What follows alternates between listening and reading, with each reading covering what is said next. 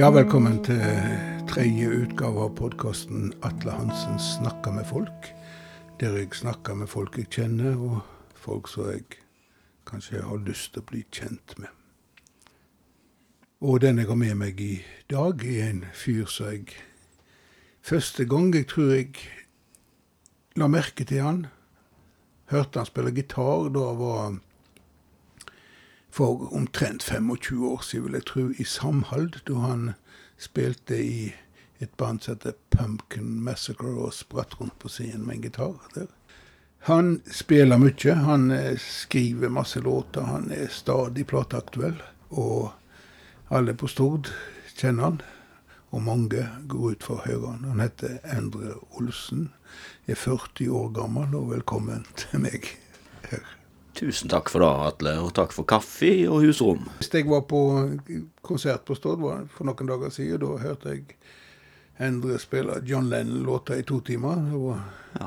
voldsomt fint, til og med for en Stones-fan. Og eh, det var mye folk, det var utsolgt, selvfølgelig. Og han spiller støtt og stadig, i- og i denne koronatida. Og av og til så lurer jeg på Det som driver deg, altså. Du, er, du har stadig nye prosjekter. Du, du både arrangerer ting, og du, du lager nye konsept, og du skriver låter. Hva så, hva, hva drive har du i deg?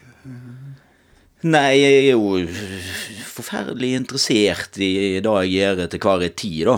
Og så er det sånn at jeg sparer ikke på veldig mye av det som jeg holder på med heller. Eh, Altså, det er jo interessant med det som er nytt, så, så det, det blir ikke en sånn serie med John Lennon eh, totimerskonserter framover. Da er den der, og så blir det noe nytt neste gang. Ja, hva blir det neste gang, da? Ja, jeg tror det blir Neil Young. Altså, nå holder jeg på med sånn her eh, Jeg var jo redd da for at jeg ikke skulle få spilt nok, sant? så når eh, koronaen kom, så da lagde jeg meg et sånt konsept som heter Old Sessions, der jeg tar for meg noen artister jeg liker, og så syns jeg det er kjekt å dykke godt ned i og få nerda meg skikkelig i forkant. Og lese om artistene. Jeg har som regel lest mye om dem før, og så får jeg hørt uh, musikken deres på en helt annen måte, så jeg er nødt til å lære meg tekst og gitarspill og melodi igjen, sant. Så, eh, så da holder jeg på med i dette prosjektet her, da. Det var et sånt eh, ganske adhoc ad koronaprosjekt, men det er veldig kjekt. Men du, du har, altså Nå har du hatt Johnny Cash og, og Bruce Springsteen. Eh, Og Bob Dylan og John Lennon, ja. eh, og de mus, din musikalske smak eller bakgrunn eller sfære, eller hva vi skal bruke, den er ganske vid, er ikke det? det altså du, Jeg nevnte Pumpkin Massacre, og det var slett ikke country-western. Det var, Nei. det var har, har, Det likner nok eh, mer på et eh, band som uh, het nesten det samme på den tida der. Smashing Pumpkins. Ja. Ja. Og du har òg vært og turnert i Europa med, med Blood Command, så heller Ja. ikke et viseband. Er, Nei, det er mer i hardcore punk. ja. Ja. Men, eh, men eh, altså, liker du alle sånne typer musikk, eller bare tar du det i jobbene for sånn som sånn så Blood Command, for at eh, de sporer deg, og det var, hørtes kjekt ut. Ja, det er litt da, men samtidig så liker jeg jo eh, veldig hard musikk. Eh, det begynte med veldig hard musikk fra jeg var Altså, jeg datt oppi den der hardrock, eh, trash metal-gryta når jeg var fem år gammel, altså.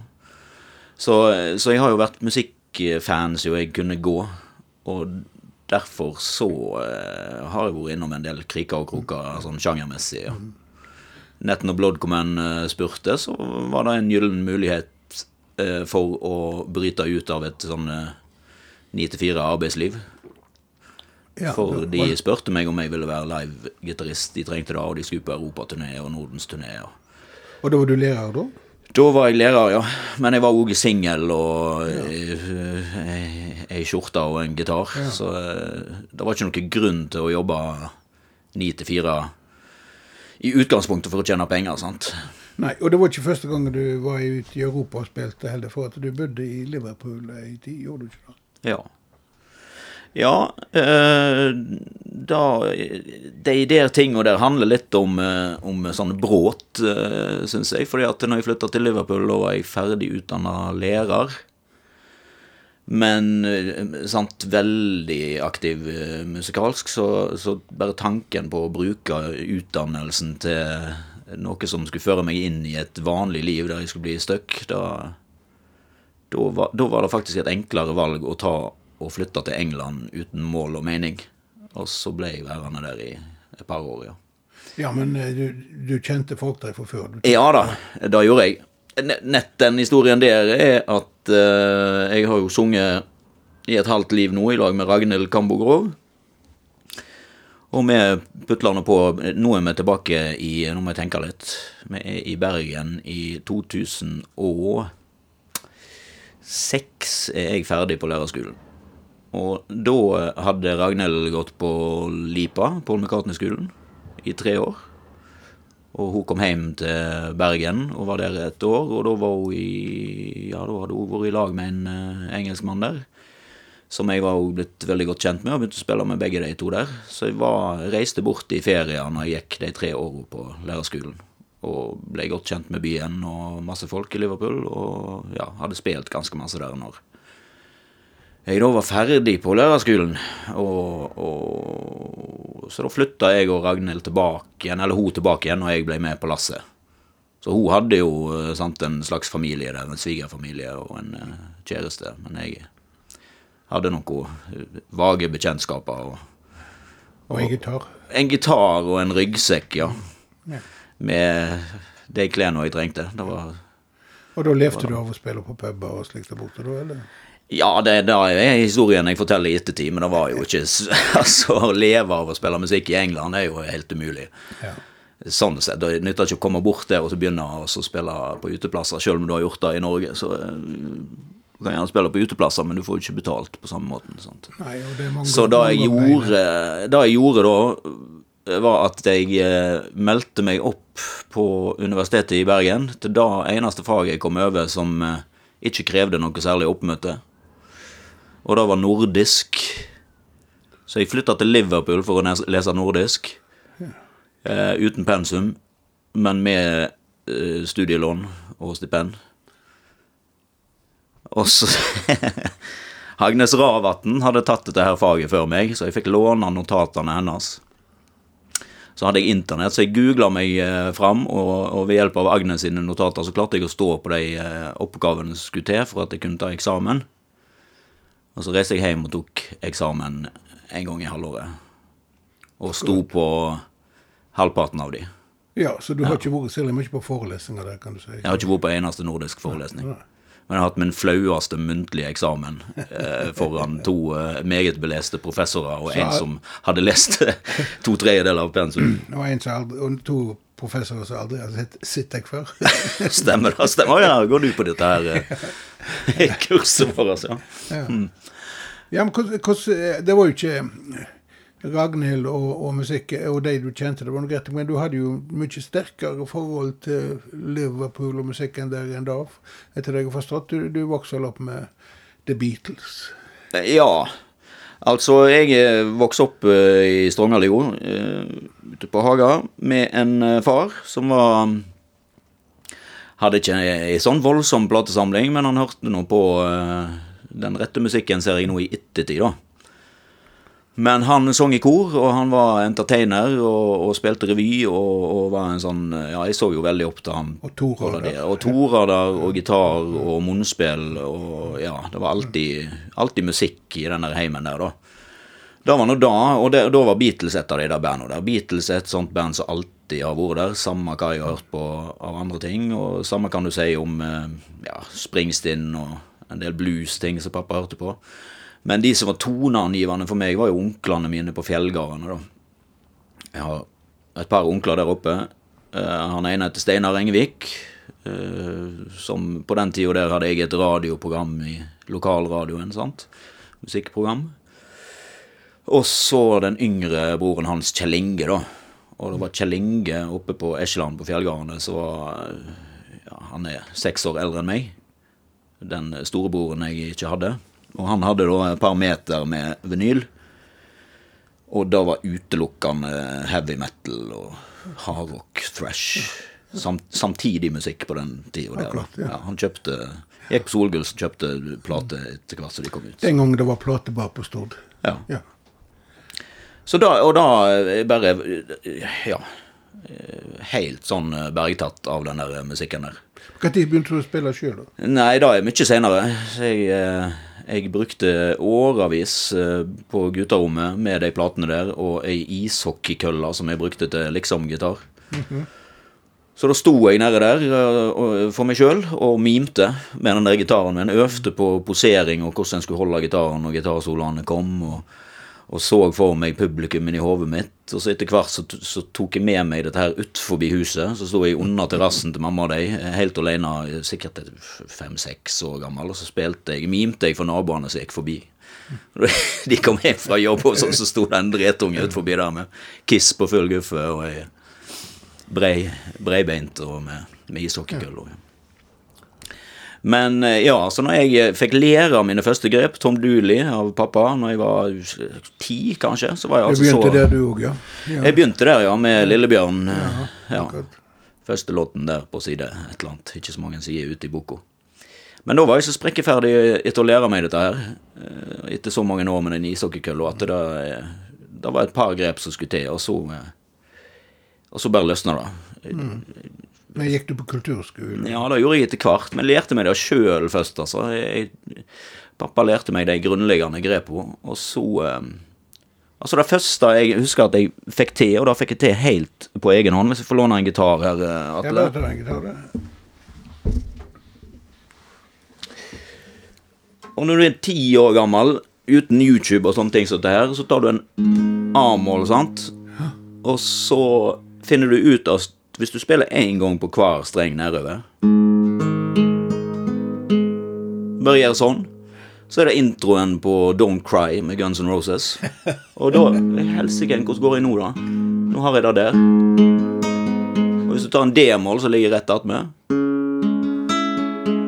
Ja, så er det neste grep i den der låten her. Dette husker jeg helt konkret, og da var jeg sånn Yes! Jeg kan det! Jeg kan spille Guns N' Roses! Det var de grepene mor mi kunne og lærte meg òg. Og jeg, lærte, jeg lærte ikke Guns N' Roses, men leste lærte eh, en gammel tatavise fra 1800-tallet, så det var litt, eh, litt forskjell. Men grepene var de samme. Ja da, veien er kort fra Tatavise til Axel Rose. Ja. Ja, så da eh, Og da, eh, da var det å sitte med CD-spilleren og trykke på stopp og spole tilbake og igjen og igjen og lete seg fram over halsen, og så eh, Ja, plutselig kunne jeg ganske masse. Så, så begynte jeg på kulturskolen, eller musikkskolen som det heter da. da. Jeg tror jeg, jeg Da var når jeg begynte på ungdomsskolen. Akkurat, ikke før. Ja. Og så ble det musikklinje etterpå, og ja. med band og utvær. Men du, du har ikke studert musikk av det? Eller gjorde du det på lærerskolen? Ja, lærerskolen der tok jeg allmennlærer med musikk, så det, var nå mest repetisjon fra musikklinja, egentlig. Ja. Eh, og um, altså etter musikklinja så gikk jeg på folkeskole, på rockelinja eh, oppe i Trøndertun. Akkurat. Oppe, ja, der ligger jo da i Melhus utenfor Trondheim. Ja. Ja. Men når begynte du å skrive dine egne låter? Jeg begynte med det i det der eh, bandet som du nevnte, Pumpkin Massacre. Da var meg og Ivar Lo Bjarnstad på tromme. Og Per Kristian Kvalheim på vokal. Og så var det en som heter Vidar Eide, som nå selger bil, på bass. Ja. Vi begynte med det med en gang, egentlig. Ja. Ja. Eh, sikkert et par coverlåter, og så var det rett eh, på å lage sjøl. men da, da var jo, jeg var jo gitarist i alle år der. Så det var å, å lage riff og akkordrekke, og så var det Per Christian, da, som, eller PK som vi kaller han, som lagde melodier og tekst. Og sånn var det i, ja, gjennom hele videregående. og Vi holdt jo på med det der bandet lenge. Det var jo det som skulle bli noe. Det var da vi hadde drømmene og planene. Flytta fra øya i lag. Vi flytta jo til Trondheim i lag, sant. Og så flytta vi til Oslo i kollektiv. Vi bodde ti stykker på Oslos beste vestkant, Røa.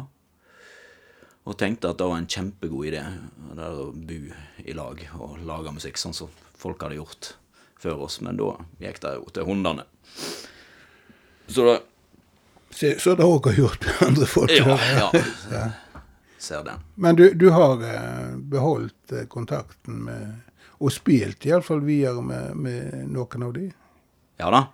Ivar eh, spiller jo relativt ofte med, iallfall noen ganger i året. Vi har jo vært på, på rikskonsertturneer i årevis i lag med andre store buer. Roald og Jørgen. Og, Roald Kaldestad, Jørgen Sandvik snakker vi nå om. ja. Ja. Um, men men jeg husker at eh, ja, Jeg visste jo at du var sånn rocker med, med vreng på gitaren og, og uh, gitarist. Og så plutselig uh, en eller annen gang så hørte jeg snakk om at du reiste rundt og sånn countrymusikk og spilte på på den der saluen i Etna og sånne plasser. Når gikk du over til Når konverterte gjorde vi, ja. Visst gjorde vi konverterte du til countrymusikk? Eh, Nei, altså Vi spilte masse, iallfall flere ganger på Saloon i Etne. Da tror jeg vi gikk på musikklinja. Da var det jo, Jeg hadde begynt å like litt countrymusikk. Jeg hadde begynt, fått øynene opp for Johnny Cash. Og, og så var det en del sånn eh, alternativ countrymusikk på den tida. Rootsbølgen mm. der, og Jayhawks hadde jeg begynt å like. Og Midnight Choir og et annet et norsk band. så så, så, og Neil Young hadde kanskje oppdaga òg. Så, så da hadde vi et band som het eh, Andy Olsen and The Lonely Riders. Og det, det var Men det, var jo litt ironisk. Jeg hadde på meg Jeg hadde lånt disse her ridechapsene til søstrene mine. eh, Og hadde på meg eh, noe sånn eh, skikkelig sånn frynsete Nashville-skjorte og den største cowboyhatten i været og svære boots. Og, så det, det var litt sånn karnevalopplegg. Jeg husker bandet gikk av der en gang, og jeg sto igjen og skulle synge noen såre countryballader. Men jeg sto jo i dette her eh, kostymet, så jeg hører altså bandet Ivar da, og Per Idar Almås ute i publikum slenge drit om stilen min midt i en sånn smektende Grand Parsons eh, Love Hurst, tror jeg. da, bare hører Ivar seg til Per Idar med litt sånn litt for høy stemme. Se på han der fyren der, det er greit nok han synger han ser jo faen ikke ut! Ja, men det blir nå eh, på en måte countrymusiker av deg etter hvert. Ja da, altså Og da òg eh, eh, altså, Hatt eh, en evne opp igjennom til å bli veldig sånn eh, Nesten autistisk opphengt i, i ting, nå, Inn i, i, i perioder. Men, men countrymusikken var ei sånn greie. Da, eh, men men ja, for fullt når jeg bodde i, i Oslo, altså, når jeg begynte å høre på Grand Parsons og disse her eh, Ja, men jobbe meg litt bakover i tid. Tilbake til spørsmålet. Når begynte du å skrive dine egne låter, egne tekster? Ja, det var det. alt da. Nei, eh, egne låter med, med de karene i Pumpkin Massacre. Sant? Men, og så eh, var det ferdig, det bandet, så etter hvert het Wonderbelly. Og dette kollektivet i Oslo. Og da eh, starta jeg opp med med et sånt countryband som heter Andy Olsen and The Sweet Surrender. Og da eh, hadde jeg eh, begynt å synge litt sjøl. Det var ikke før jeg var bikka 20 at jeg begynte med det, og jeg, jeg sang ikke bra i det hele tatt. Eh, Jeg hadde jo ikke trening, sant. Du blir jo flink å synge av å synge masse, tenker jeg. Så i den grad jeg kan synge i dag, så er det fordi at det er alle de timene på pub, og du bare gjør det fordi at du har lyst til å få det til. sant? Men, det, men jeg kunne ikke det på den tida der. Jeg hadde begynt å skrive noen sånne eh, Ryan Adams-kopierte eh, viser. så da var jeg i Oslo da, ja, 2001-2002, tenker jeg. Så flytta vi til Bergen. Jeg bodde to år i Oslo. Og Skulle, eh, først skulle vi slå gjennom dette Wonderbelly-bandet. Og vi kom så langt at vi var på møt, flere møter med et sånt managementbyrå som hadde søstera til Jon Carew i stallen, og han som hadde lagd jinglen til den første Big Brother-sesongen. Og da husker jeg at vi fikk tilsendt et sånt forslag til kontrakt, da. Etter at disse her veldig shady, eh, hvitkledde karene hadde kommet på, på flere konserter og, og, og krevd eh, ja, mye. Både i baren og gjesteliste og sånn som det der. Og da, da sendte vi den kontrakten til Roald Kallestad. Om ikke han kunne se igjennom det. Eller, og jeg tror han viste han til Odd Nordstoga. Roald var jo, har, jo, har jo alltid vært et forbilde. sant? Han har vært noen år eldre enn oss og, og vært den der proffe musikeren som er med dyrte til, da. Da vi vokste opp. Og så eh, Nei, jeg fikk han tilbake, og den var full i sånn her eh, rød, rød tusj. Fra hånda til Odd Nordstoga. Det var bare å, å hive det i bosset. Det var shady opplegg. Så eh, Og da var det litt sårt, da. Sant? Noen av oss hadde veldig lyst Jeg hadde sikkert kjempelyst til å bare skrive under på det uansett. For det, var, det var jo en kontrakt. Det var jo fantastisk. Mens iallfall Ivar var noe mer sånn eh, Ja. Men det ble ikke det store gjennombruddet i alle tilfeller. Nei, det ble etter det der, så bare visna det vekk. Ja. Og så flyttet du til Bergen, og, og da ble det etter hvert både mer låtskriving og plate. Når ga du ut den første plata di? Ja, den ga jeg ut etter at jeg kom tilbake fra Liverpool, men, men Bergen var jo fantastisk å komme til når du var blitt interessert i countrymusikk, for det yrte det jo, sant. Og, og det var egentlig der jeg begynte med sånn å stå på en scene med akustisk gitar og synge sjøl og formidle ting Mm. Ja. sjøl, da. Og da møtte jeg jo mange av de som eh, jeg eh, spiller og henger med ennå. Jørgen Sandvik og Ones og den gjengen der. De Ja. drev jo egen eh, musikkbar i lag med HP Gundersen. Kameleon heter den. Så der jeg bodde jo på den der plassen der. Gikk på lærerskolen, men det var på Kamelon jeg var, altså. Og jamma og sang og, og gikk på konserter og ja. Ja. Så i løpet av de åra der, ja, så, så tenker jeg at jeg sikkert ble en slags countrymusiker. Ja, og låtskriver. Og, Ja. ja. Mm. og så ble det plate. Ja, det ble plata når jeg kom hjem fra de to åra i Liverpool. Litt sånn eh, ja, sliten og både sånn Ja. Sant, det hadde blitt slutt med ei dame der borte, og det hadde bråta opp ifra alle vennene dine, og da du hadde begynt på der borte, og, og, og strake veien tilbake til Bergen, og rett inn i lærertilværelsen. Skikkelig countrysang. Ja, hadde mye countrysanger på lager da. Så da eh, hadde jo med meg Ragnhild tilbake igjen òg, så vi, vi starta opp et prosjekt som heter Angry Wasp. Det er første sånn offisielle utgivelsen, da. Ja. Og det er i 2011. Å ja, det er, kom ut. Jeg har ikke gitt ut så mye plater, Atle, selv om du ville ha det til deg. ja, ja, det er jo det med singler da i det siste. Ja da. Ja, og så etter hvert eh, EP med norske tekster. Ja, Ja, album, eh, det kom. Angry Wasp med ei plate som het Vinneto, og så kom det ei plate egentlig, som egentlig òg var ei Angry Wasp-plate, men da kalte jeg meg for Endre Olsen and The Landmarks. Som jeg sa, jeg liker ikke å holde på disse eh, prosjektene for lenge. Nei. Men eh, ja. Og, og, og, og samtidig da så begynte jeg å skrive litt på norsk, for at eh, jeg vet ikke, Før da så hadde du jo Du hadde kanskje litt ambisjoner om å slå an utenlandsk i en sånn ung, naiv eh, hjerne. Og så flytta du utenlands, og da var det naturlig å synge på engelsk. Jeg følte nå jeg fikk det ganske bra til, og alle sa til meg at jeg skrev så godt på engelsk. og sånn og sånn, men men når, når du kommer hjem og så bare henger med norske folk, og konsertene du spiller, spiller du for norske folk, og så, eh, og så skal du skrive noe meningsfullt og noe som kommer ut ifra din egen eh, tankegang, og du tenker på norsk, eh, så, fikk det ikke til lenger, rett og slett. Det er så enkelt som det. Jeg, jeg syns ikke jeg fikk til å skrive på norsk heller, det var til å begynne med. Det var veldig vanskelig, det der greiene der det, det jeg syns var kjempevanskelig med det, var å å bruke det eh, språket som du bruker bare helt sånn til hverdags. At det skulle få et eh, poetisk og syngende preg eller en klang i seg. Hvordan skal du finne fram til det, liksom? Og da, og da når, når, i hvert fall når jeg leter meg fram til den der Jeg vil ha den samme uanstrengte språket når jeg synger som når jeg snakker. Og da er en sånn eh, For du begynner alltid med å, å skrive altfor komplisert. Og så, så finner du ut at når du prøver å synge det, så høres det helt sånn falskt ut ofte. Men har, har du et sånn eh, ideal som låtskriver, noe du strekker deg etter? Um, men jeg har jo mange ideal, men jeg vet ikke om jeg Etter hvert så føler jeg at eh, jeg blir mitt eget referansepunkt. For når jeg, når jeg skriver eh, plater nå, så er jeg opptatt av hva jeg gjorde jeg på forrige plate, og, og hva, hva er det der som ikke var helt i mål. Eh, Og kanskje de, de siste låtene jeg skrev til den plata, at der var jeg inne på noe som jeg har lyst til å fortsette på. Så, Så um, Du holder på med en helt ny plate nå? Ja, nå er jeg ferdig med Nå kommer det i 7. mai, så nå er jeg helt i villrede. Uh, Du, er- du kom med en ny. Hva heter den?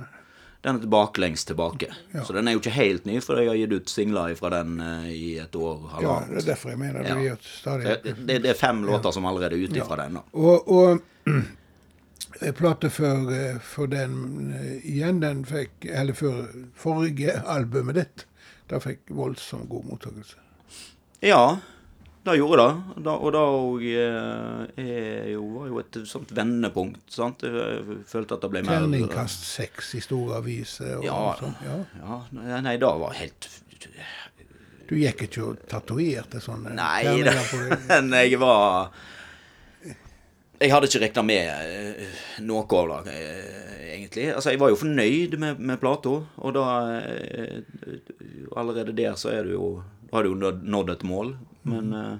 men det som hadde skjedd før den kom ut, var jo at jeg fikk komme inn på et plateselskap. da. Alt før da hadde jeg jo bare gitt ut sjøl, eller ved hjelp av kompiser som hadde et slags plateselskap. Men, men den bøttevis med blått ble jo gitt ut på Apollon Records. Og, og selv om Apollon spyr ut plate, så, så eh, er det jo Så det jo eh, Har det jo et renommé, sant, og en Ja. eh, stall der du kommer, havner blant andre folk som du kanskje liker, og som kanskje får oppmerksomhet, og derav så tror jeg kanskje at den ble snappa opp mer enn han ville bli snappa opp hvis jeg hadde gitt det ut sjøl. Eh, Men eh, føler du noe press på deg nå når du gir ut en ny plate til den må være For dette blir på en måte i, i, den, i den store offentligheten den vanskelige andre plata. ja. Nei, jeg føler ikke press uh, i forhold til det der. Og, og eh, det kan jo høres ganske svært ut med sånn terningkast seks i den og den avisa og sånt, men, men eh, det er jo ikke Jeg føler jo ikke at det sitter et, nors, et helt Norges land og venter på den der plata mi. Jeg føler at jeg er ganske alene om den der yeah. prosessen der, så, så, og, og det er meg sjøl som må være som, Ja. som stiller krava her. Det er ingen andre. Og du reiser ikke på lange, store, dyre turneer for å lansere musikken din helt. Nå er jo det umulig i år, mer eller mindre, men, men uh... Nei, og jeg har liten interesse av alt sånt som skal til for at du skal, skal liksom ta det der siste steget opp, da. Det kan jo høres ut som jeg unnskylder meg sjøl der, men jeg, men jeg har virkelig ikke det. Altså. jeg er lite interessert i sånn eh, hva som er smart å gjøre karrieremessig, og hvem du bør, og hvordan du bør, og, og, og, og liksom det der greiene der. Jeg, jeg er for opptatt med sjølve musikken til at eh, ja. Så eh, Men baklengs tilbake. ja. Og det er jo eh, er da et eh, uttrykk for eh, ditt eget liv, altså at du nå er kommet tilbake. Det står du etablert deg på Grov, ikke langt ifra de gamle venninne Ragnhild, og du har blitt eh, familiefar, er det hva det heter, eh, og, og etablert og tilbake i læreryrket.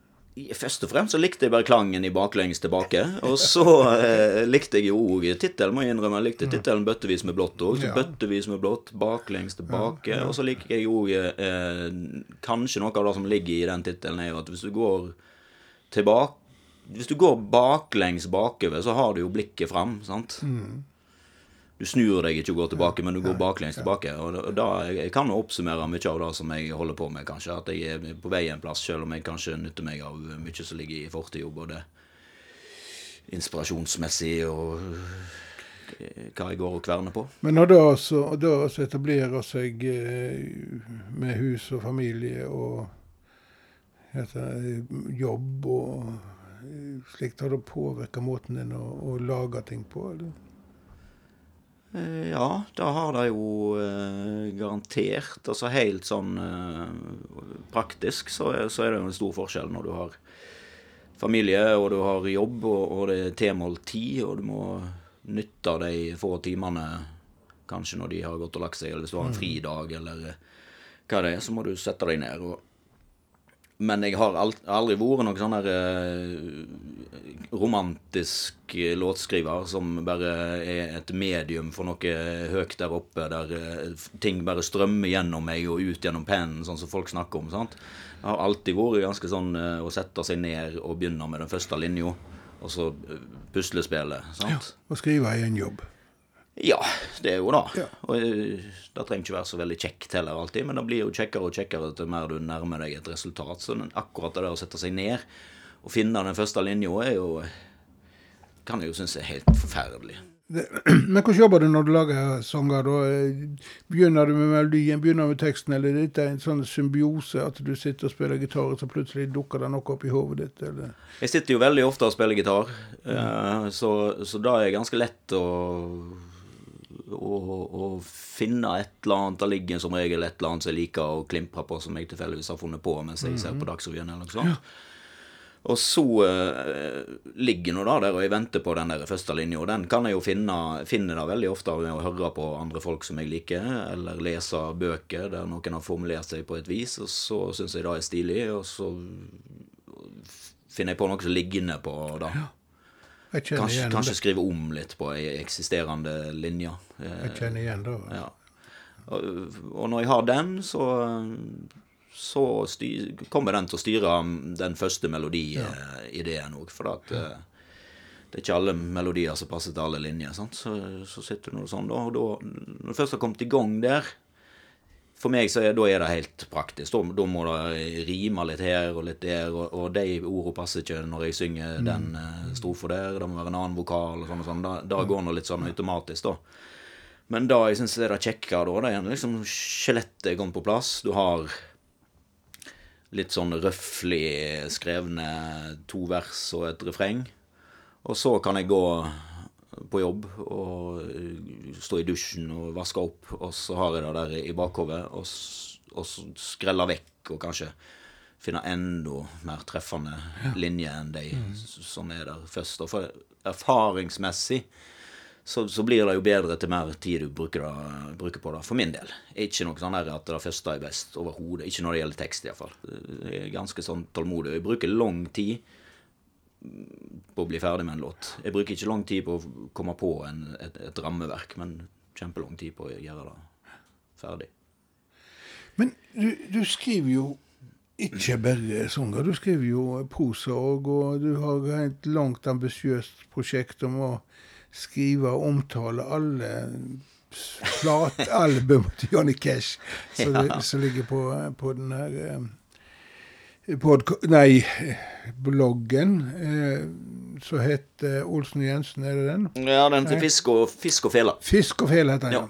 Eh, for du har både blogger og podkaster og alt mulig, i tillegg til å synge, og du driver viseklubb med din venn Vidar Hope, som kaller seg Jensen i den sammenhengen. Men du, du skriver altså prosa, men du skriver ikke bare om, eh, om eh, Johnny Cash. Du skriver Jeg har hørt eller lest ting som har vært mer fiksjonslitteratur, har jeg sagt, eller Ja. grensa mot det, iallfall. Mm. Ja. Er det noe du systematisk driver med, eller er det noe du Nei, det er, til? eh, ja, jeg trenger jo sånne prosjekt som å ha en blogg eh, eller en føljetong eller et eller annet for, for å gjøre det, da. Og jeg er jo aldri mer fornøyd med meg sjøl enn hvis jeg har skrevet en sånn eh, tekst som jeg er fornøyd med. Så er en sånn eh, en, en, et bloggpost, da, da, da er jeg, jeg, jeg kjempeglad hvis jeg får til det. For jeg har eh, voldsom respekt for, eh, for eh, det faget der, da. Eh, Så eh, ja, ja. Har du tenkt å prøve deg innenfor Altså gi ut bok, eller? Nei jeg, jeg kan ikke si jeg, Selvfølgelig har jeg tenkt på det. Jeg leser jo en del og, og har eh, masse, masse eh, mi- Altså, det jeg liker best, er, er gode forfattere. Sant? Men, men jeg har sånn kjempestor respekt for det der, så jeg, jeg, er fullt klar over at det ikke er bare til å sette seg ned og gjøre det, selv om du kan skrive en passe god tekst, liksom. liksom. Og, men Ja, det er jo en ting som jeg, jeg oppdaga med deg når vi ble kjente, og, og jeg husker vi hadde en lang biltur fra Sogn, hadde vært spilt der, og, og vel hadde vi snakket mye om musikk, men da begynte vi å snakke om litteratur. Og du Ja. har, har lest kjempemasse, og du leser hele tida. Ja, Hva, hva er det du liker Hva, hva forfatter er det du setter høyest? Eller hva type Ja, litteratur? nei, det der har jo gått eh, masse i perioder, eh, men eh, nei, det, nå leser jeg siste boka til Jon Fosse, og han er en av de siste sånn som jeg ble helt sånn utrolig bergtatt av. At er en av de sånn siste forfatterne jeg virkelig kan huske at herregud, hvor bra, hvorfor har ikke jeg lest dette her før? Og, Ja, og, og leste masse bøker av han på Ja. kort tid. Ja, disse siste romanprosjektene er jo bare Ja. utrolig. Jeg holder på med andre boka, eller Ja, jeg jeg kaller, jeg vet ikke hva han kaller det sjøl, om det er andre eller tredje eller fjerde eller femte eller sjette. Eller. Ja, det er noe i den, da. Ja. Ja. Men eh, ja. Nei, eh, jeg leste den kjærlighets, kjærlighetstrilogien hans og ble voldsomt bergtatt. Og uh, samme har jeg hatt med, med i yngre år, når jeg leste Bukowski i dag, var sånn jafs, bare raste gjennom det. sant? Men det er jo ikke ting jeg sitter og leser så mye nå, kanskje. Lik, liker jo det òg. Jeg liker jo det meste jeg har likt, egentlig har jeg funnet ut når jeg har blitt litt eldre, at eh, når du slutter å være så uh, flau over ting, eller mm. du, slutter å ha sånn guilty pleasures Alt er noe greit. Har du likt noe i livet, så er det som regel noe der du liker ennå. Og derfor så, så liker jeg jo Guns N' Roses ennå, sant. Og liker jo alt det der jeg har grunge og sånne ting som du ofte må kverulere med folk, for det er så vedtatt at du ikke skal like det hvis du baler med den og den typen musikk. sant? Men eh, nei, da er Er det musikk du ikke liker? Det er musikk som ikke passer til meg, iallfall. Absolutt. Ja. Det er mye syntetiske lyder som ikke gir meg så mye, og sånt. eh, Men det gir jo andre folk så noe, så det er nå greit òg. Eh, Men hvor var vi? Vi snakket om snakket om den turen vår ifra skriving og lesing, Ja, skriving og lesing. Nei, da hadde vi jo vært oppe i Flåm, da, Atle. Ja, Spilt det eh, med, med Ragnar Hovland. Ja. Som òg var sånn her eh, Ragnar Hovland eh, var sikkert en sånn første favorittforfatter da jeg gikk på musikklinja, og da, da var vi en gjeng som leste. Men nå i senere tid så er Jon Fosse et sånt eksempel, og Tarjei Vesaas òg. er mer sånn Kanskje det er et der, roligere familieliv mitt på bygda som gjør at jeg setter pris på mer sånn vakkert, eh, fint og godt håndverk, liksom. Ja. Det trenger ikke være så rasende lenger, kanskje. Nei, men det, det ligger nok altså Interesse for litteratur eh, og, eller for, for tekster eh, Gir da seg eh, utslag i din musikkpreferanse? Og jeg tenker på eh, folk som Guy Clark, eh, Ja. John Prine og disse amerikanske song, visesangerne. Må vel kunne Bob Dylan og ja, hele gjengen, som du eh, synger Ja, det er der òg. Jeg har hatt mange sånne vendepunkt i, i livet musikalsk sett. eh, sant? Da begynte jeg med den hardrocken, og så når jeg ble pubertal, så var det eh, naturlig med mer sånn teenage angst, Radiohead og, og mer sånn alternativ rockemusikk. Men i, i, i alt av det så var det jo ikke tekst som gjaldt for meg. Ja, ja, kanskje litt av det der gnålet til Tom York kunne treffe eh, når du var på ditt mest usikre og sånt, men, men eh, jeg kan ikke si at jeg gikk rundt og satte så voldsomt pris på en god tekst. Altså, tror jeg aldri jeg sa før jeg oppdaga Bob Dylan. eller noe sånt. Og så det var jo kanskje enkelte lin- linjer som traff. Men, men da å bli opptatt av uh, poplyrikk tror jeg jeg må si at skjedde med Bob Dylan. Altså, klisj, en så klisjé uh, Ja, det er. Så, så var det der at det, det var blood on the tracks. og og det der at låtene bare varte og varte og varte, og det kom nytt vers hele tida, eh, det var en sånn vanesak. Og til slutt så, så knakk det jo koden, for det var jo et eh, tekstlig forløp der, og ting som viste tilbake til første vers, og du, ja, masse sånne greier som, som du måtte bli bevisst lytter for å finne fram til. sant? Og, og bevisst tekstlytter, eh, da, da begynner jeg å bli da. Og da er vi i Oslo igjen, på, i dette kollektivet. Jeg syns det var enklere før, jeg, når de hadde tekstene på, Ja. på eh, albumcoveret, og så man kunne sitte høyre på platen og lese tekstene og om igjen og om igjen. Det var liksom eh, det store da når jeg var i eh, hva heter det, de formative åra, på eh, tenåring og tidlig 20-år, når jeg satt og hørte på ja, Dylan, og- òg Joni Mitchell og Cat Stevens og alle folk, og så leste tekstene mens jeg hørte på sangene. Det var Ja. Det var som å lese bøker. Og da påvirker din måte å skrive på kanskje at du har lest, eh, lest tekstene til Dylan. Ja, men jeg er tilbake igjen med klang og rytme hos Dylan òg. For jeg hadde ikke blitt så fenga av de tekstene der ved å bare lese de, eller hvis en annen hadde sunget de. Altså, Med Dylan så henger jo alt det der i sammen. Eh, måten han synger de tekstene der på, og fraserer og, og, og rytmisk betone eh, Mange av de tekstene der, spesielt på 60-tallet, skulle jo egentlig ikke ha fungert. fordi at det men, men i og med at han synger de sånn som han gjør, så klarer han å, å, å, å få det til på et Jeg husker, en, jeg husker en så jeg leste så skrev om Dylan, sa at du husker aldri en hel Dylan-sang, du husker ei linje. Ja, og sånn har jeg det. Og det er godt nok eh, ofte for meg, da. Eh, så, og, og sånn har jeg det med de der eh, tekstene der, og mange andre tekster òg. At eh, OK, så er det et vers, og det er mange linjer og mange ord, men der kommer det ei sånn linje ut, sant? Eller kanskje ett vers i hele låten som bare stikker seg fram som et sånn der eh, fyrtårn. Og da, da eh, syns jeg er veldig fint. Da liker jeg godt. Sånn, sånn, du snakket om Morris i, i forrige podkast, og det samme der. så Enkeltlinjer som bare treffer så uh, utrolig godt at du kanskje må synge det en gang til, så han ofte gjør det. da. Du um, er kom tilbake til Stord, og du er blitt lærer da yrket, så du på en måte flykta fra. Uh, ut i The Blood Command og til Liverpool og alt sånt. Og så nå er du tilbake i, eh, som lærer uh, på, videre, nei, på videregående. Jeg er på videregående på avdeling for meistring og utvikling. Ja. Så jeg, der har jeg halvt om halvt pedagog og miljøarbeider. Ja. Og da trives du med? Ja, jeg elsker det. Sant? Det er en, en, en jobb som eh, jeg måtte lete meg fram til gjennom noen eh, år som lærer både i Bergen og i Stavanger. Mm. Og det var jo helt forferdelig å prøve å få en lærerjobb til å funke i lag med travelt kveldsliv og musikerliv. Så det gikk ikke. Og så ble jo familiefar oppi det hele, da. Men ja, nå må jeg fortelle litt om livet mitt her, da, kanskje, hvis du har tid til det. Ja, jeg har tid til hva som helst, jeg. Ja.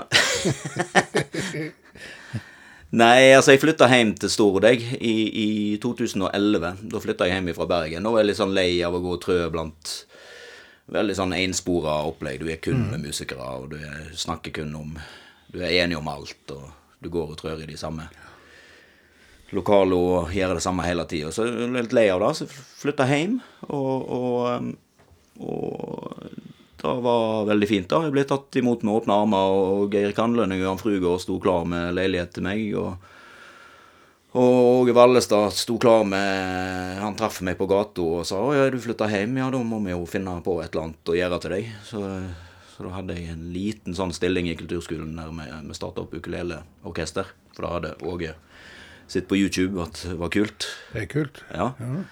Eh, men samtidig så eh, møtte jeg jo da Brita. Eller Brita hadde jeg jo møtt på barneskolen, men iallfall ble forelska og kjæreste med henne, da. Så da eh, havna jeg eh, rett ut i en sånn pendletilværelse til Stavanger, for hun bodde der. Ja. Ja. Og jeg eh, skulle nå ikke så mye om dagene, så jeg kunne være der mye. Ja. Eh, og så ble jeg far i løpet av da Jeg flytta ned til Stavanger etter et år med pendling. Og Brita ble gravid, og Harald kom til verden der. Og i samme slengen så fikk vi tilbud om å ta over et gammelt hus på Grov, da. Til bestemor til Brita. Og da var, trengte ikke betenkningstid i det hele tatt. Så, så da grep vi den sjansen, flytta hjem. Og da hadde jeg et år eh, der jeg ikke gjorde på noe annet enn å være hjemme med sønnen min. Spilte litt i helgene og sånt. Og så var det min gode venn Ian Kolstad, som er musikkterapeut, som eh, var i beit for en musikkterapeut, for det var en av de som hadde flytta til Bergen. Så da tok jeg over litt av en sånn musikkterapeutstilling oppe på ungdomsskolen. Og sånn kom jeg inn i det arbeidet som jeg holder på med nå, da. For da bare sa klikk. Eh, og, eh, og jobba med utviklingshemma ungdom. Og hvor lenge har du gjort det nå? Ja, jeg begynte så smått, øvde meg litt der oppe på ungdomsskolen, og så ringte jeg bare ned til eh, hun som er rektor nå, Ellen Strandenes. Eh, og spurte om de trengte folk på avdelingen. Og Da gjorde de. da gjorde de visst. Trengte iallfall meg, Ja. viser det seg. For nå har jeg vært der i fem og et halvt år. Det lengst har du vært noen plass. Det er det vel lengste jeg har vært i jobb. Ikke verst. Ikke verst. Em, og når du da kommer til Stord, så skjer det noe viktig i Stords kulturliv, da jeg kunne si. For Vidar Ope, din gode venn i her, og dere starter altså Olsen og Jensen viseklubb på Osvald pub. Mm. Og med konserter klokka 16.00 på lørdags ettermiddag. Ja. Og det blir på en måte en institusjon, eller er blitt det på Stord. Eh, plutselig begynner folk å gå ut på ettermiddagen, og det er fullt hus. Og eh, jeg som husker viseklubber på 70-tallet. Jeg ville vel kanskje lett i begynnelsen protestere på at dette er ikke en viseklubb, men det er en konsert. Men var, da var vi veldig klar over at Ja. når vi kalte oss for en viseklubb, så For når vi drev viseklubb i vår tid, så var det jo åpen scene stort sett. Iallfall en del av greier at folk kunne komme og framføre sine mer eller mindre ubehjelpelige sjøllaga sanger. Men eh, dette er en stad der iallfall visesangere opptrer, og andre sanger. Og det Ja, er altså fantastisk. vårt visebegrep er ganske bredt, Ja, det er seg. ja. Men det er iallfall strålende artister som bor der. Og Ja. det er noen av Skandinavias største visediktere har vært innom der. Ja. Eh, Hvor, hvor får du tak i de? Nei, eh, altså den viseklubben den fyller ti år nå i, i mai, og da er jo sånn hadde vi jo, Altså det har aldri vært noen plan på den der viseklubben der. Iallfall ikke i begynnelsen. Det var ikke, det var ikke meningen at dette skulle bli en institusjon. Det var en lekegrind for meg og Vidar. Og vi var vant med å arrangere ting i Bergen. Vi hadde en pub der som vi, som vi var involvert i en gjeng som satte opp konserter og spilte mye sjøl. Så det er egentlig bare en videreføring av det som vi var vant med i storbyen. Og når vi flytta hjem, så eh, så eh, var det jo ikke fordi at vi skulle eh, bli familiefedre og bosette oss eh, i villastrøk og Som ute på bygda, som som vi har gjort etter hvert. Men, men da var vi jo fortsatt fri og franke med når vi flytta hjem. Mhm. Så vi ville jo ha eh, et trøkk. Iallfall det måtte være noe som var gøy for oss sjøl, siden vi nå skulle bo der. da. Og, og Robert Elise var jo verdens beste mann å møte eh, da. Eh, Han som driver puben? som fortsatt driver puben, og som, som er tredje medlemmer av den eh, viseklubben. Om det er meg og Jensen som er gallionsfigurene, så er det eh, Robert eh, som er stabiliteten og tryggheten og Økonomien? økonomien. Ja. Så nei, så, så det, det begynte vel bare med at vi Det var en søndag, og det var bursdagen til Bob Dylan, og vi ville spille noen Bob Dylan-låter. Jeg tror ikke det var annonsert engang. Kanskje det var en status på Facebook. Og der kom Lars Mæland og far min og Cecilie Rønhovde og uh, Ian Kolstad og kanskje en ti stykker til. Det var første arrangementet. Eh, og så eh, Ja. Seg? men, men hvordan vi finner de, eller hvordan vi får tak i de, da gikk seg til etter hvert med at vi booka folk vi kjente. Og da var jo alt fra Jørgen Sandvik til Sergeant Petter til Pogopops, og, og vi kunne booka ganske lenge kun på kontakter som vi hadde fra Bergen, og, og kanskje mest mitt musikkliv. Og, og kjenner du en gitarist som spiller med Tønes, kanskje, eller sånn som det der, sant? Og, og, men etter hvert så er det jo Robert som skal ha eh, virkelig æren for å få tak i disse her. Da. Iallfall han som tar drittjobben med å snakke med managerne til de største artistene. For de syns ikke jeg det er så veldig trivelig å preke med på mail og diskutere økonomi og sånn sett. Men, eh, men eh, det er helt greit for Robert. Men du har jo hatt eh, et par vis, svenske visesanger Ja. med tilbakes et par ganger. Så, Ja. eh, så òg har vekt oppsikt, for å si det sånn. Ja, og det der er jo sånn Så, så bare drar det seg til, og så blir det en vane, og så blir, og så blir det eh, en ting, eh, det der med at vi skal gjøre det på lørdag klokka fire. Eh, og det gjorde vi lenge uten at det kom folk. Men etter hvert så gjorde det det. Ja. Og, eh, og vi holdt nå på med det. Og, og så blir det jo et prosjekt, sant. Du hiver deg jo litt over det, og så, og så er det gøy. Hvem kan vi få tak i nå? Ja. Eh, og, og hele tida så har eneste motivasjon med det vært at det skulle være gøy, og jeg og Vidar skal ikke stresse med økonomi i dette her, og, og sånne ting som vi syns er fælt. det skal være lystbetont, for det, det har hele tida vært dugnadsbasert òg. Det er ikke noe karriere for oss, dette her. Det er kun ei lekegrind og gøy. Og så, sant, så har du fått tak i noen sånn Ja, hvem kan du få tak i? Og det må være noen du liker. Det er hele konseptet med bookingen. Du booker ikke noen bare fordi at jeg har et navn. Du booker noen som, som, du lik, som jeg og Vidar liker. det er så egoistisk, altså. Eh, og da plutselig så jeg kan vi få tak i Mikael Wie, tror du. Kan vi få tak i Stefan Sundstrøm og sånne folk. Og det går jo fint, da. De kommer jo, de. Og kanskje, hvis jeg skal ta litt hederen for det, så, så vet jeg jo med flere av de at de har hørt rykter sant? av folk som de kjenner, som har et navn som har vært hos oss, og som kanskje har anbefalt det. Sånn vet jeg at det var med Jan Eggum, f.eks. Og da så er poenget her at dette er et ganske lite lokal, der, der eh, Ole Paus ja. og Jonas Fjell og Jan Eggum og Stefan Sundstrøm og andre sitter med folk nesten i fanget når de spiller. Ja. ja. Sant? Og da, da, sånn liker jeg å gå på konsert. Iallfall med folk som forteller en historie og, og, og tekstmessig, og du får, får, komme tett på, og, og de slipper litt av der, eh, den innøvde proffe pakken som de ofte har i et kulturhus eller i en Grieghall ja. eller noe sånt. sant? Fordi at de er tilbake igjen der de begynte. Der, der startet, og, og, da setter de seg ned med en akustisk gitar, da, og, så, og så snakker de med publikum. Mange av de gjør det. Et par av de er jo liksom, kjører litt sånn rutinepreg på det, men, men, men det blir en annen greie enn å gå og høre de på en proffproduksjon. Ja, og da, da, må jeg bare nevne, og vi roer oss litt i land, for at Will the circle be unbroken?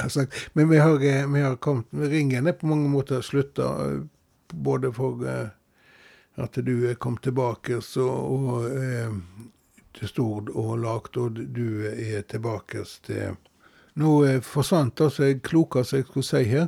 Men, du skulle roe oss i land? Jeg skulle roe oss, ja, jeg skulle roe oss i land, ja, men jeg skulle lage denne elegante sirkelen nå. Ja. Men eh, den eh, kom ikke uh, ut av hodet mitt. Men jeg tenkte på i fjor, når uh, koronaen slo til kvelden før de stengte oss ned. Ja. Da var vi og, og hørte på Martin Carty på Visklubben. Og da var mm. Det var ikke mange folk, men det var en magisk opplevelse å høre den store engelske legenden på Stord. Jeg trodde aldri jeg skulle få oppleve det. Ja. Eh, og så stengte Norge ned, og Viseklubben har vel ligget koronasjuk nå i et år, kanskje? Ja. Men så starta den opp igjen. Ja, vi har Vi, stikker stortåa uti nå iallfall neste fredag. For det er en booking som har veldig lyst til å få gjennomført. Det er Fliflett og Hamre, hvis det er det du tenker på? Ja, jeg har allerede kjøpt billett, jeg. Ja. det er fordi at Ja, det er egentlig da. Vi, vi har ikke starta opp igjen sånn at det kommer ei rekke med konserter nå. Men vi gjør den mye fordi at nå har de 30-årsjubileum, de to. og, og de har vært hos oss før, og vi digger de, og ja, denne konserten har vi utsatt et par ganger òg, så nå får vi håpe ja. at vi får lov å gjøre det neste fredag, da. Vi, vi gleder oss. Jeg, eh, forrige, for ett år siden så var jeg, var jeg eh, ene fredagen og hørte Myhres PPT, der du òg eh, begynner å spille etter hvert med, med ja. deg. Og på fredagskvelden på Blå time, og så noen kvelder etterpå så var jeg og hørte Martin Carty. Eh, nå eh, Og så stengte de landet. Nå har jeg vært hørt deg, og så skal jeg høre Gabriel Fliflet og, og Ole Hamre. Så får jeg håpe at, at det da fører til motsatt resultat, og at de nå åpner Håper at det ikke bare er at det er mine arrangement som skal til for at de mm. stenger ned. Mm. Jo, Jeg var jo med på begge de konsertene, jeg òg. Det var jo ja. mitt, mine siste sprell da òg. Og den fredagen med Myhres PPT så var det jo eh, total pre-koronastemning. Det var så. Ja, Sild i tønna, 100 mann på blå time. Totalt. ja. Og så på tirsdagen eller hva det var, med Martin Carty, så en 15 stykker. Ja.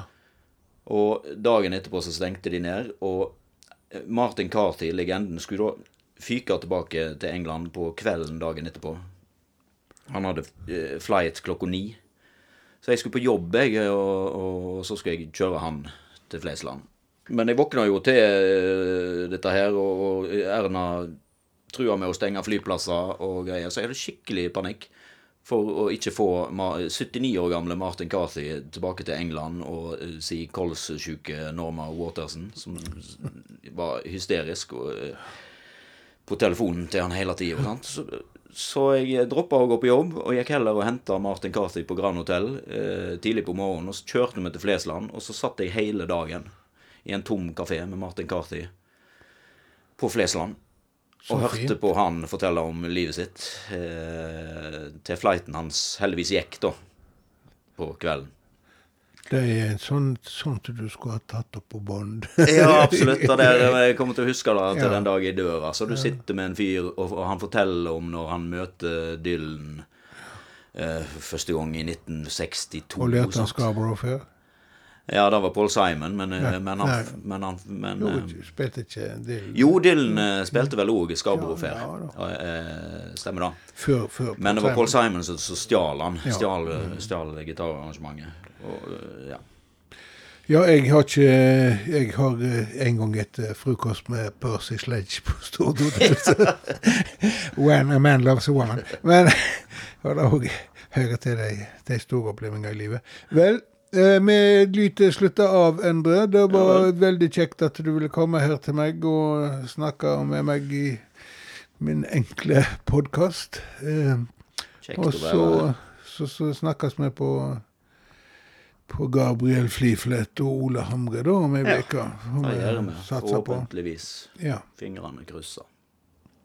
Jepp.